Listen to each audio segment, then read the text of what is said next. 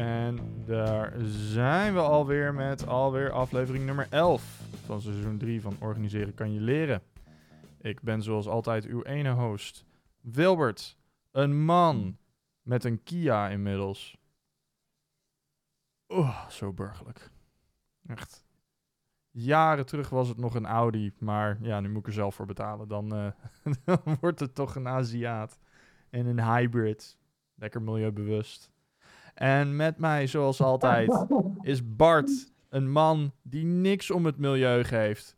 En in zo'n benzineverslinder aan het rondrijden is. Bart, hoe is het met jou tegenwoordig? Hey, wacht eens even. Hè? Ik bedoel, je zit hier te klagen over, over burgerlijkheid. Hè? Maar je woont wel gewoon in Zeist. Laten we hier niet, niet omheen draaien. Ik woon sociaal in Zeist, Bart. Ja, precies. Precies. Ja, nee, heel sociaal. Eh daar kennen de mensen hiervan. Nee, maar eh, ik, bedoel, ehm, eh, ja, mijn, eh, mijn, mijn auto is een benzine, maar ik heb wel een deelauto. Dus Mhm. ik, ik deel een auto met iemand anders, want ik, ik rij misschien één keer in de maand ergens naartoe. Toevallig morgen, om mijn oma weer eens te zien. Mhm. Dus die inmiddels trouwens gewoon volgens mij netjes al twee keer gevaccineerd is. In ieder geval één keer. Twee keer. Volgens mij twee keer, ja. Ja. dus, dat, eh, dus dat is heel weinig allemaal. Nee, eh, maar, maar milieubewuster dan dat wordt het niet. Hè? Ik heb gewoon een halve auto. Ja, een halve benzineauto. Waarom geen halve Tesla, Bart? Waarom Nou, geef je niet om het milieu, Bart? Nee, dat is nog mooier. Ik, liep hier in, eh, in Elst bij een rondje en ik zag een huis waar er zo waren twee Tesla's op de oprit stonden. Ik denk, ja, dat... Het zijn heel milieubewuste vijf mensen, Ja, precies. Dat kunnen we alleen maar toejuichen. Ze zeggen ook wel, hè, hoe meer Tesla's je hebt, hoe mil- milieubewuster je bent. eh. Precies, precies. Ik, eh, Eigenlijk moet je er gewoon tien hebben. ik, eh, ik ga er gewoon vanuit dat, dat als GroenLinks aan de macht komt, of Partij van de Dieren, dat het gewoon Tesla-subsidie is voor iedereen. Nee, dan, eh, dan zijn ze hier al, al, lo- al voorlopers. eh Gewoon, Goed, dat is net Els natuurlijk nog wel onbekend. Dus, eh, Ja, precies. Dus gewoon van, eh, van wie, eh, wie cheft Partij van de Dieren tegenwoordig? eh, dat is Esther Ouwe, eh, dit is Ouwehand. Nou, Esther Ouwehand, trouw, trouwe luisteraar van deze podcast natuurlijk. Ga ik gewoon gelijk- vanuit. Eh, Gelijknamige eh, dierentuin. maar ik, eh, ik denk gewoon van, eh, joh, eh, vanuit, eh, vanuit de overheid 10.000 korting eh, op elke Tesla. En dan komen we er wel met die klimaatdoelen. Ja, nee, ik, eh, ik denk dat eh, er eh, wel een zeker rijkste man van de wereld is die die partijen met dit soort ideeën best wel zou willen sponsoren. Bezos? Is hij nu de rijkste man? Ik dacht dat, dat hij al. Nee, of is hij nog niet door Musk voorbij gestreven? Nee, nee, nee. Dat, kijk, het punt is, eh, dat, eh, en daar hebben, we het, daar hebben we het vaker over gehad, is dat, is dat een ho- een hoop deel van de rijkdom van die mensen gebaseerd is op de aandelen die ze hebben en niet daadwerkelijk liquide middelen. Eh, Ja. Dus als de, als de Tesla-koers eh, in, eh, in vogelvlucht gaat, dan wordt eh, Elon Musk eh, in één keer op papier een heel stuk rijker. Ehm, eh, maar als die, een, als die een duik neemt, omdat hij weer eens wat tweet, dan is die ook in één keer op papier een heel stuk armer. Terwijl, ja, Amazon, qua koers, best wel stabiel. Er is dus eh, een tijd. Ik heb, ik, ik heb eh, een geweldig stuk in The Guardian gelezen. Dus zal ik even in de show notes, als die ooit nog een keer door mij worden gemaakt. Ja, Dan, eh, dan, komt hij erin, dat beloof ik dan. En dat stuk ging over, ging over een boek wat is uitgebracht met de belangrijkste speeches en gedachten van Bezos. mhm. Ehm, en zoals je misschien al wel zou denken, zijn dat er niet veel. Er zijn niet veel speeches, er zijn niet veel gedachten. De man is niet echt bepaald eh, een intellectueel of eh, ja, wat dan ook precies. Het is in ieder geval iemand die, die heel erg geïnteresseerd is in schaarste en in organisatieproblemen. En eh, daar ook wel ja, furore heeft, mee heeft gemaakt. Ehm, en het schijnt dus dat hij heeft bedacht van ja, weet je, ehm, eh, Amazon heeft, heeft eigenlijk eh, eh, qua groeipotentie zijn we, zijn we al wel een heel eind uit wat we hier op aarde kunnen doen. Ehm, dus de logische volgende stap is de ruimte. Gecombineerd met een andere gedachte, namelijk ik kan mijn geld nooit opmaken, behalve als ik iets aan ruimtevaart ga doen. Dus nou ja, die twee gedachten gecombineerd eh, hebben geleid tot, eh, wat hoe heet zijn? eh, Blue Origin. Blue Ocean? Origin, ja, dat was hem, ja. ja. Ja, wat ook wel logisch is. Hè? Ik bedoel, als je Amazon wil, een foto wil maken, laat gewoon deze planeet. als je iets aan schaarste wil doen, of schaarste als probleem ziet en dat wil oplossen, is op zich het universum ook wel een interessante werkplek. Ja. Dus, uh, ik vraag me alleen uh, af hoe ze, hoe ze next day delivery gaat doen als ik op een uh, maanhotel zit. Ja, ja, wie weet. het, we weten het nu nog niet, maar rond die tijd. Ja. Gaan we het zien. Bart, wat over schaarste gesproken. Wat, wat drink jij vandaag? Ik heb een, een klassieker in de alcoholvrije bier.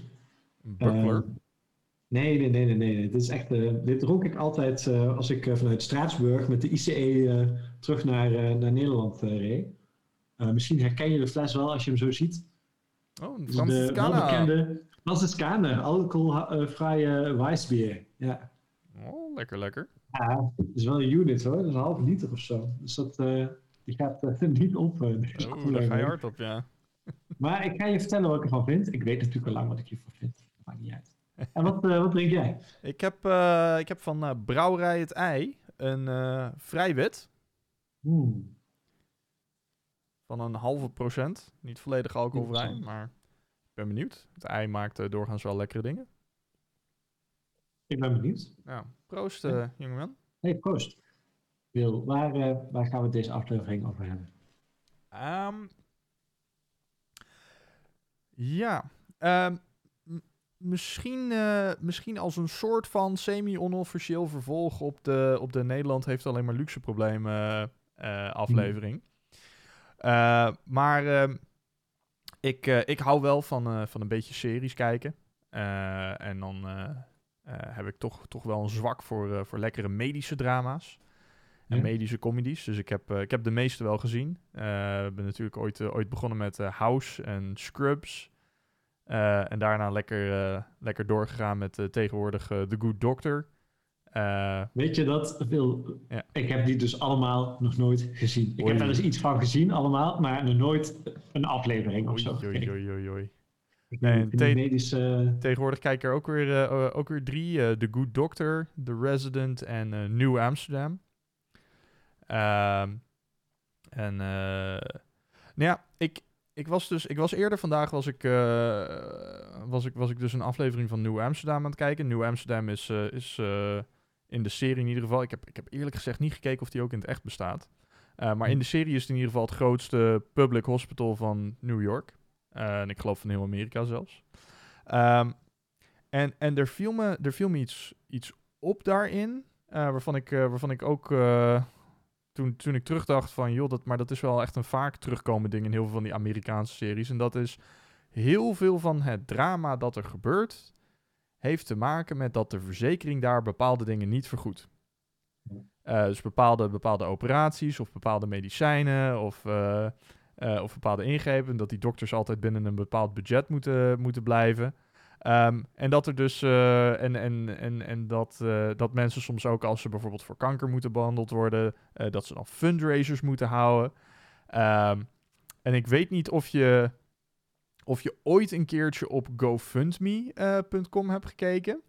Nee. Um, maar als je echt depressief wil worden, dan dan, dan, dan moet je daar een beetje op kijken. Er is, uh, er, is, er is een skit over gemaakt op een bepaald moment dat GoFundMe is eigenlijk een soort van uh, populariteitsverkiezing waar als je wint, dan blijf je leven. Ja. Um, en, en ik dacht, en, en, en, en ik kijk ernaar en ik zat toch echt even van, van, van, joh, ik kan me dus totaal niet voorstellen hoe dat is. Want, want hier in ons, uh, in ons fijne, fijne koude kikkerlandje Uh, ik, geloof, uh, ik geloof de enkele keer dat het voorkomt dat een verzekering bepaalde dingen niet dekt, dan is dat gelijk landelijk nieuws. In ieder geval als het gaat om, om uh, bijvoorbeeld kanker of zo. Hè? Ja. ja. ja. en ik, ik, ik geloof eh, op een bepaald moment hadden we, hadden we hier zelfs een, een kamerdebat, omdat de, de, de standaard ziektekosten die. Ehm, daar wouden ze een bepaald medicijn uit het pakket halen voor een, voor een soort van zeldzame spierziekte, waar echt maar tien man in Nederland aan leden, maar waarvan de medicijnen wel echt een paar duizend euro per maand kosten, zoiets. Ja. Uh, maar, dat is, maar dat is dan gelijk landelijk nieuws. Terwijl daar is. Eh, kan het gewoon zo zijn dat je binnenkomt, je hebt een bepaalde operatie nodig en, en er wordt dan gewoon gezegd van, ja, ah, sorry, eh, je verzekering dekt het niet. Nee, Ehm, en kop- koppel dat aan, eh, eh, aan, aan wat je daar kwijt bent ook aan gewoon standaard pro- procedures. Ehm, dat mensen gewoon failliet kunnen gaan van een ziekte. Of gewoon letterlijk het beter worden niet kunnen betalen. En dus gewoon maar ziek naar huis gestuurd worden. Ik weet niet of jij me dit van. Ik, volgens mij 60% van de faillissementen in de VS hebben te maken met medische, hoe heet het? medische problemen. Of twee derde of zo van de faillissementen. Dus inderdaad, mensen die gewoon ziek worden, dat niet kunnen betalen en daarom gaat het bedrijf failliet. Is echt bizar als je erover nadenkt. En zeker ook bij het beeld wat je hebt van de VS als een soort van het mekka voor de ondernemer. Nou, niet dus, in ieder geval niet voor de kleine ondernemer, want die, die, gaat, die wordt gewoon ziek en dan is het voorbij. Nee, ik, ik vond het heel typerend. Je had een tijdje terug, had je, ehm, volgens mij is de pil weer in het eh, pakket gekomen of zo. En het, dus dat is op zich wel goed, hè, dat het wordt vergoed. Nou, kun je verschillend over de pil denken. eh, en, en, en wat zoveel hormonen met je doen. Eh, maar goed, die beslissing moet je kunnen nemen. En de discussie die daar vervolgens over kwam, die was op zich wel mooi. Namelijk dat door de pil te vergoeden, maar andere on, eh, voorbehoedsmiddelen niet, leg je de verantwoordelijkheid voor het niet zwanger worden geheel bij de vrouw. En dat is, dat is best wel een interessante discussie. Maar natuurlijk staat dit mijlenver van elke medische discussie die in de, in de VS wordt gehouden. Een ander voorbeeld is, het, eh, is minister Schippers, dus nog in het vorige kabinet. Ehm, toch? Is dat het vorige kabinet? Ja, zeker, want Mhm. je had, daarna had je, had je Bruins en zo. Ehm, dus, dus toch wel een vrij harde eh, eh, liberale tante van de, van de VVD, die eh, besloot om zelf dan maar medicijnen te gaan eh, produceren in de strijd tegen, of, of eigenlijk voor het ijsgevecht met de, de, de, de, de, de grote Farmaceuten. farma-industrie. Dus dat, dat zijn wel ja, dat zijn hele andere discussies als dat je in de VS hebt. eh. Ehm, maar goed, dan wil ik zo meteen wel wat zeggen over wat nou wel de problemen zijn aan dit stelsel in Nederland en waar nou de, de dingen zitten. Maar ik denk dat ja, als je dat dan weer vergelijkt met de VS, de situatie daar is zo absurd. Ehm, en weet ik ook niet of dat overal nog zo is, want volgens mij heb je best wel aardige verzekeringen in sommige staten. Ja, ik, ik denk. ehm, kijk, het, het, het, Nederlandse, het Nederlandse stelsel is, is best wel simpel in vergelijking. Eh, maar ik denk dat heel veel dingen worden gewoon gedekt. Eh, en daar kan je redelijk snel, redelijk snel uitzoeken van, joh, valt dit, valt dit nou in bedekking ja of nee? Ehm, en eigenlijk bij alles wat, eh, alles wat standaard is, weet je, botbreuken en, en, en ziektebeelden en dat soort dingen, is het antwoord eigenlijk standaard ja.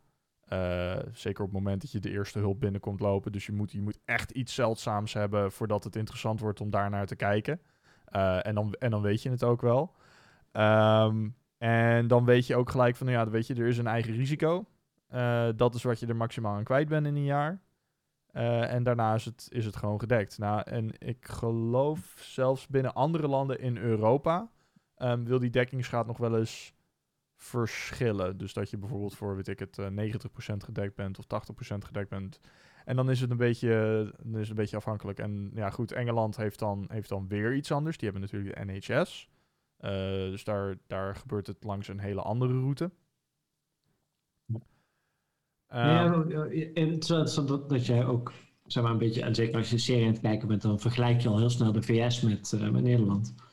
Ehm, en ik, waar ik net, ik zat, eh, zag je nou weer induiken. Ik kan, kan het natuurlijk heel lang met, je- lang met je hebben over de vraag van, eh, komen mensen met name met lage inkomens eh, wel op de goede plek terecht? Hè? Dus er wordt heel gezegd van, we moeten dat eigen risico houden en we hebben een soort van begin van, die, van dat proces nodig om te zorgen dat de kosten niet uit de pan reizen.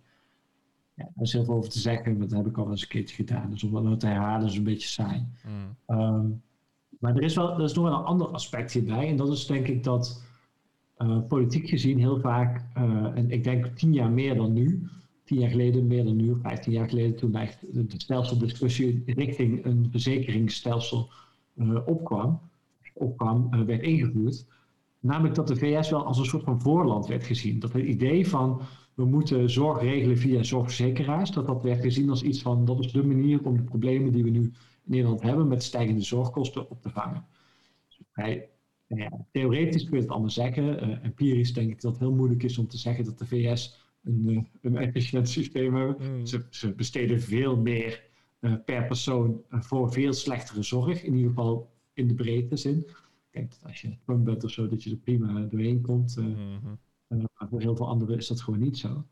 Ehm, maar dat systeem van die zorgverzekeraars werd wel gezien als, als de manier om dat te bereiken. Ehm, en daar zitten twee kanten aan. Eén is dus het idee dat je gaat ontmoedigen dat mensen zorg gebruiken met bijvoorbeeld eigen risico. Nou, daar hebben we het over gehad. Tweede is dus dat er een soort van sturing komt. Dus dat verzekeraars gaan kijken hoe is de kwaliteit bij ziekenhuizen en dat moet dan leiden tot een verhoogde kwaliteit in die ziekenhuizen doordat men scherp gaat inkopen en zo. En dat is toch een deel van het verhaal waar ik dus totaal niet in geloof. En met in geloof bedoel ik van, ik heb geprobeerd te vinden hoe dit een positieve uitwerking heeft en ik, ik, ik kom de voorbeelden niet tegen. Ehm, om een vergelijk te trekken, hè, we hebben ook het idee dat ehm, een soort van marktwerking bij onderwijs ook zo werkt. Dus bijvoorbeeld als je kijkt naar het voortgezet onderwijs, dan adverteren scholen naar kinderen en ouders toe van joh, jullie moeten naar ons gaan voor onze HAVO of PWO of wat dan ook. En het idee is dan dat dat leidt tot een uh, betere opleiding, omdat die ouders daar dan heel goed op gaan letten. En in de praktijk is het gewoon kind bepaald op basis van wat vriendjes doen of wat dan ook. Er is helemaal geen kwaliteitstoetstelling. Uh, uh, de enige kwaliteitstoets die er is, is zitten er rijke kinderen of kinderen met, met de rijke ouders, moet ik wel zeggen, op deze scholen, want dan heeft die school meer middelen. Maar ja, dat is natuurlijk niet een effect van het systeem, dat is gewoon een effect van de maatschappij. Ja, en het is, en het is, het is netwerk voor later voor zo'n kind. En want ja. hoe, hoe graag we ook uh, denken dat je, uh, dat je op eigen kracht overal komt, het is, uh, het is toch vaak wie je kent en, en af en toe is Zeker. een vriend die je ergens introduceert of dat soort dingen. Zeker, um, ja. Ik wil even, even, even doorgaan inderdaad op dat idee van, van dat zorgverzekeraars scherp gaan inkopen. Um, en ik, ik denk, ik denk een van de dingen die dan in mij opkomt, en ik heb daar niet, niet, niet in één keer een antwoord op. Um, maar waar, waar koop jij als zorgverzekeraar op, op in in dat geval? Hè? Want, want je, je wil, je wil een bepaald. Ik, eh, laat, laat, me, laat me even doorgaan. Ja. Je, wil, je wil een bepaald resultaat aankopen. Dus um, koop je in op, uh, op, op, op uh, gezonde mensen, lage kosten. Uh, koop je in op koop je in op, op, op, op gezonde mensen korte duur. Koop je in op een bepaalde lange termijn holistische zorg.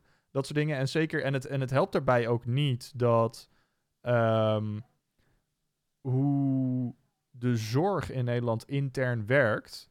Het zijn allemaal afzonderlijke kleine kostcentertjes.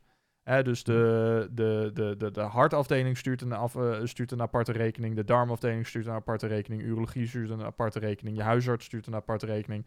Dus als, als, als zorgverzekeraar... Dus, überhaupt, en, en, en mijn vriendin is momenteel bezig met een, uh, met, met een PhD in value-based healthcare. Dus die probeert dit een beetje uit te pluizen. Um, en het is ongelooflijk moeilijk.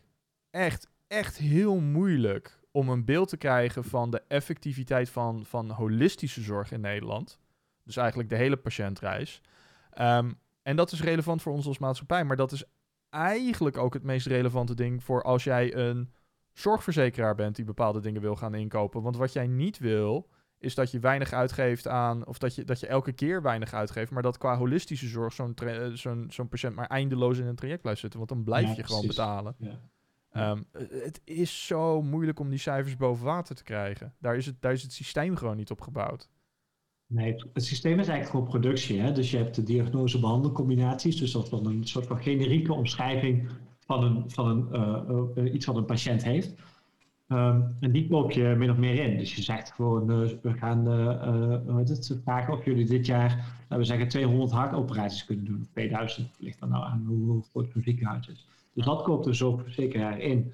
En vervolgens krijg je een hoop cijfers terug over hoeveel mensen daarbij overlijden. Wat ook al best wel ingewikkeld is. Want bijvoorbeeld een academisch ziekenhuis krijgt vaak veel ingewikkeldere gevallen. Moet je die dan gaan afstaan om, om proberen die cijfers allemaal wat gunstiger uit te laten vallen. Andersom, als er, als er op een plaats uh, bijvoorbeeld voor het, uh, het, doen van een vrij simpele bloedtest op HIV of op, op, op weet ik veel wat allemaal uh, veel meer kosten worden gemaakt per test dan op een andere plaats, dan is het misschien inderdaad wel beter om die anderen wat meer werk te geven. Want die zijn duidelijk beter in staat om efficiënt te werken. Um, een van de problemen die je volgens mij ziet, maar goed, het, is, wel, het is een beetje cool om er heel, heel generiek over te spreken, want hier werken duizenden mensen in. Het is natuurlijk een stuk complexer, maar je hebt een hele hoop zaken die echt gewoon wel productiewerk zijn. En dan denk ik met name aan, aan simpel laboratoriumwerk. Hè. Dus nu als je het hebt over de vraag van heeft iemand wel of niet corona. Ja, in zekere zin kun je daar gewoon een laboratorium op zetten. En, en die kunnen dat voor een bepaalde kostprijs per test kunnen ze dat gewoon, gewoon doen. Dat is allemaal niet zo heel erg ingewikkeld. Ehm, maar de vraag van op welke manier zijn we bezig met kennisontwikkeling op bepaalde terreinen. Ehm, de vraag uh, hoe moet je omgaan met, met, met, met zeer complexe zorg. En inderdaad wat jij zegt van zorgen dat er wat meer gebeurt dan dat we, dat we de lijstjes afchecken. Maar dat we inderdaad bezig zijn met wat er met die patiënt gebeurt. Ja, dat is veel ingewikkelder. En daar loopt het natuurlijk ook dit op vast. En wat, wat volgens mij ook een beetje tegenwerkt, is dat Ehm, de opdracht die die verzekeraar krijgt vanuit de politiek is toch wel zorg dat de kosten omlaag gaan. En dat is altijd, of eigenlijk bijna altijd, het slechtste beginpunt wat je kan nemen. Ehm, aan de andere kant, het moment dat je zegt van ziekenhuis, doe het zo goed mogelijk, ja, dan heb je dus een heel ander soort autoriteit dan een berekende kost, uh, het zorgverzekeraar nodig, die daar dan vervolgens overheen gaat kijken van wat gaat hier nou goed of fout. Ja. Ehm, en dat vind ik ook nog wel de ingewikkelde vraag, want ik denk wel dat, dat je op een gegeven moment voorbij een systeem van zorgverzekeraars moet, maar wat dan de beste manier is om daar op een andere manier tegenaan te kijken, um, of op te adviseren hoe je zorgt dat er een soort van gezonde controle is die die, die, wel zeg maar, zo eerlijk is om te zeggen dat er op sommige plaatsen veel te veel geld wordt uitgegeven en daar iets aan kan doen. Ehm, maar ook, als, ook wel gewoon, gewoon uh, reëel kan blijven en, en, en, en niet de verkeerde doelen kan stellen. Ik weet dat ook nog niet zo precies hoor. En als SP hebben we dan het, Nationaal Zorgfonds ooit bedacht, waarbij je eigenlijk gewoon afspraken gaat maken met regionale ziekenhuizen, een beetje regionaal uitspreken, wat is overal nodig, wat gaan we ongeveer doen. Eh, vanuit de professional aangestuurd eh, eh, bekijken wat nou, wat nou de soort organisatie is, wat, wat er nodig is voor de problemen, medische problemen die je moment tegenkomt. Dat is denk ik wel een, een, in ieder geval in grote lijnen ongeveer hoe je dat wilt doen. Hoe dat precies is nog best wel best een ingewikkelde vraag. Dat zie je ook wel in de plaatsen in het buitenland waar je inderdaad te maken hebt met een systeem wat vooral vanuit budgetten of zo wordt aangestuurd. En ook wat er in Nederland fout ging in het verleden. Mm. Ja, budgetgestuurde financiering, waarbij het allemaal maar opgemaakt werd. En er eigenlijk nooit iets, uh, werd vernieuwd. Ja, maar dat, en dat, dat is het natuurlijk. Hè. En daar hebben, we het, daar hebben we het ook eerder over gehad. Is dat op het moment dat jij um, iets gaat meten, gaat dat het gedrag van mensen beïnvloeden. Ja. Uh, en op het moment dat er een, uh, dat er een potje is dat beschikbaar wordt gesteld, dat, dat, dat, je, dat je naar beneden ziet lopen, Ehm, en, en je weet ook dat dat, dat dat iets is wat open is voor onderhandeling. Uh, ja, hè, eh, mens, mensen hebben, hebben een van die inge, ingebakken denkfouten, dus loss aversion. Dus die gaan, die gaan zich in één keer zorgen maken, inderdaad, over van joh, als we dat potje niet opkrijgen, ga ik dan minder krijgen volgend jaar. En dan misschien heb ik het volgend jaar nodig, dus laat ik dan dit jaar vooral dat potje maar opmaken. En juist het argument voeren dat er meer is. Nou, aan de andere kant, je kan ook zeggen, het is een, uh, ik ga het potje onbeperkt maken. Uh, maar dan gaan andere mensen daar weer van alles van vinden. Uh, en gaan mensen zich ook gaan mensen, wel iets anders vinden om een bepaalde obsessie over, over te vormen. Ik denk, ik denk een, ander, een ander probleem dat, dat daarbij zeker niet helpt, is dat ja, omdat de zorg zo, zo als een productielijn is opgezet, inderdaad. En dat, dat, dat woord gebruik je, gebruik je inderdaad correct. Dus heel veel silo's.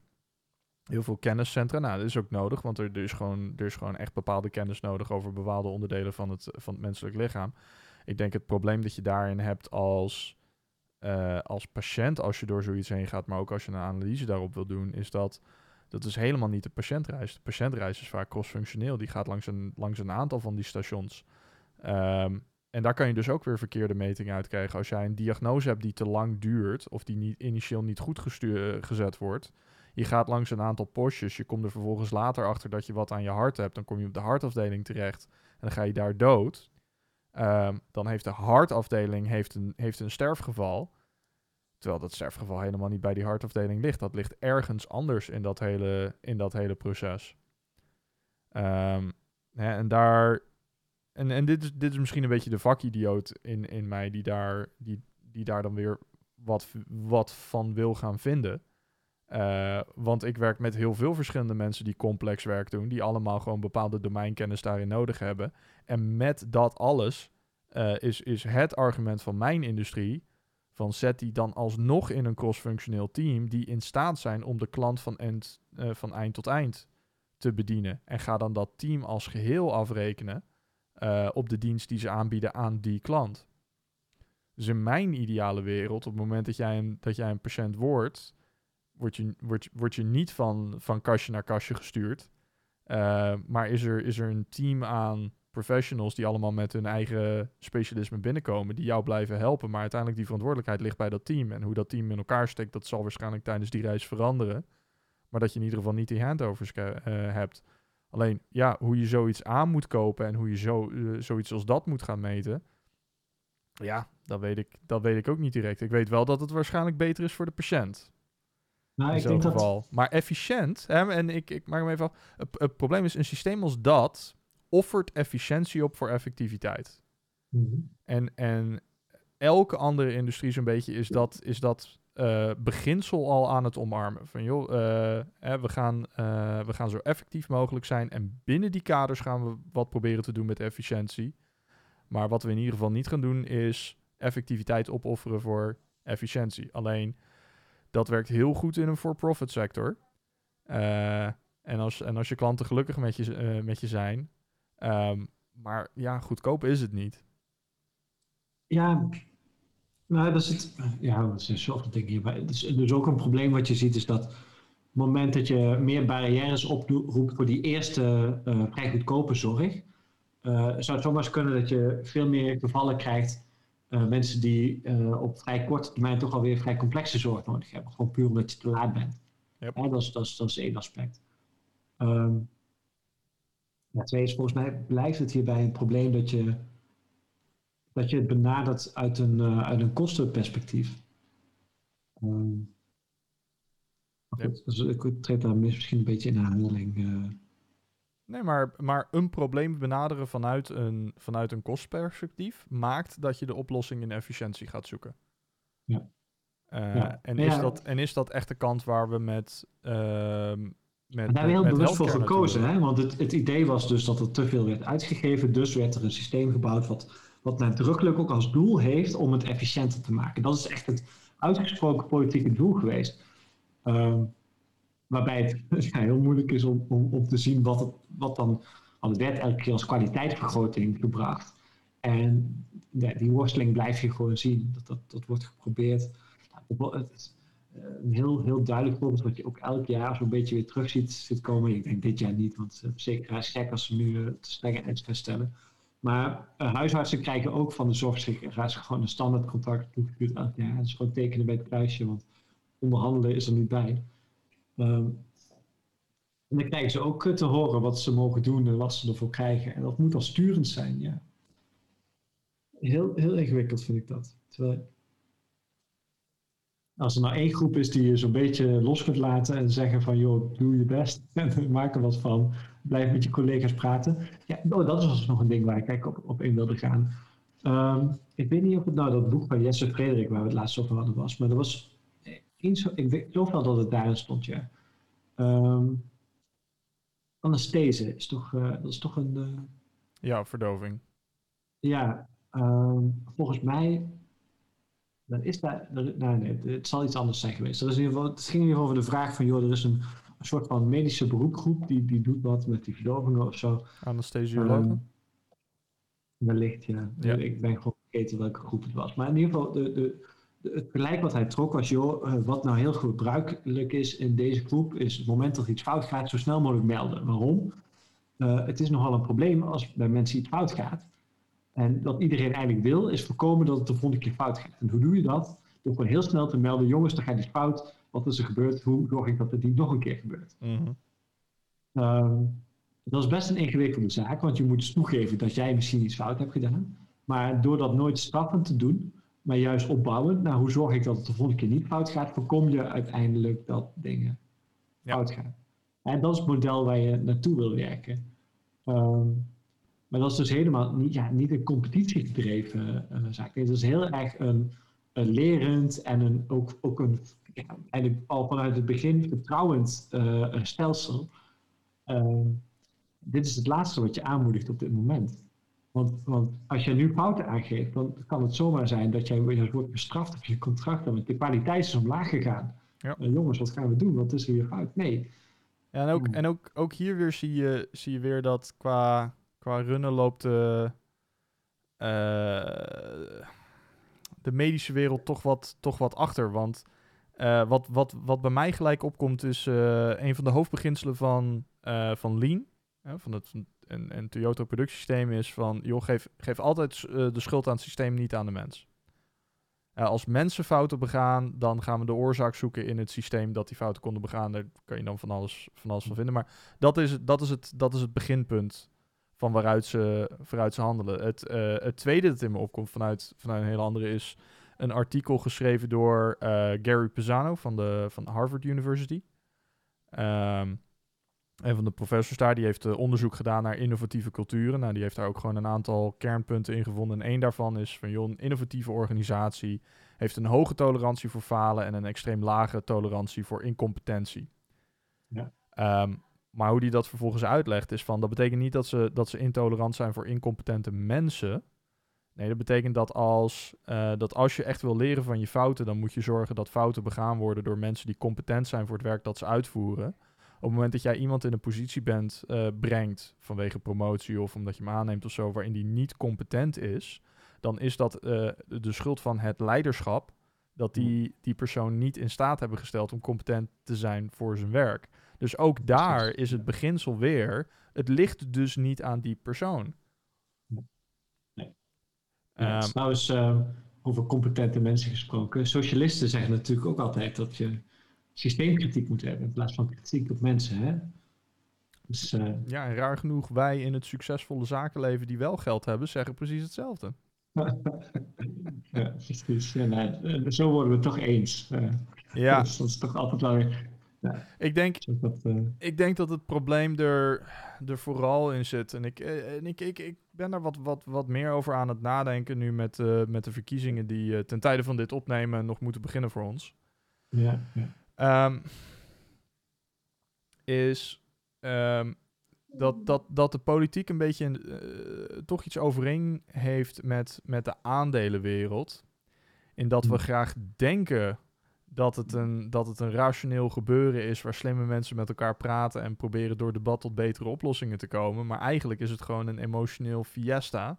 eh, waar mensen toch vooral op hun kwalijke aard eh, gemanipuleerd worden. Oh, dit- hier gaan we sowieso een volgende keer bij. Nee, want, want ik, ik ben het hier eh, helemaal mee eens, maar precies vanuit de andere kant. Namelijk, ik denk dat het idee dat politiek zeg maar experts zijn of zo, of moeten zijn, dat dat echt een foute, of in ieder geval. ehm, ja, ik heb er van alles over te zeggen, maar ik, ik ben het in ieder geval mee eens dat, dat het juist belangrijk is dat het vertegenwoordigend is. En dat die expertkant die zit wel echt veel meer in de ministeries en eh, wat dan ook. Ja. Ja, oh ja mag, je, mag je hopen dat die in de ministerie zitten, maar die hebben het geld niet Ja, om experts aan te nemen. Maar er zitten wel wat mensen en eh, Ja, sociaal werk voor hoogopgeleiden. Ehm hey, maar we, eh, we zitten zo'n beetje aan onze, aan onze timebox eh, weer. Yes. Ehm, nou, eh, Bart eh, barst los over deze Franciscaner. Ja, heerlijk toch. Ik kan die gewoon blijven drinken. Ik snap niet dat ik die alcoholvrije van Scanner sowieso niet vaak van huis. Super lekker. Het, eh, gewoon een klassieker. En met name eh rechte kun je hem zo noemen. Ja. Ja, en bij jou dan? Ehm oh, hij smaakt naar de zomer, Bart. Dit is echt, dit is mijn eerste witbier van dit jaar. En ik, en ik kijk zo uit naar, naar witbiers in de pool. Ja, nee, dat... eh, Oh ook. man, heb Ik ik, zin ook. in. Ik hoop, ik hoop dat de zomer dit jaar niet zo warm wordt als vorig jaar. Maar goed, eh, global warming eh, zegt wat anders. Maar, eh, mocht het te, te heet worden, dan, dan rijden we gewoon naar een zwembad in Limburg. Waar we prima te plonzen en te bieren vatten. precies. Maar eh, tot die tijd, hou je taai. Ik spreek snel weer. Hey, eh, tot de volgende.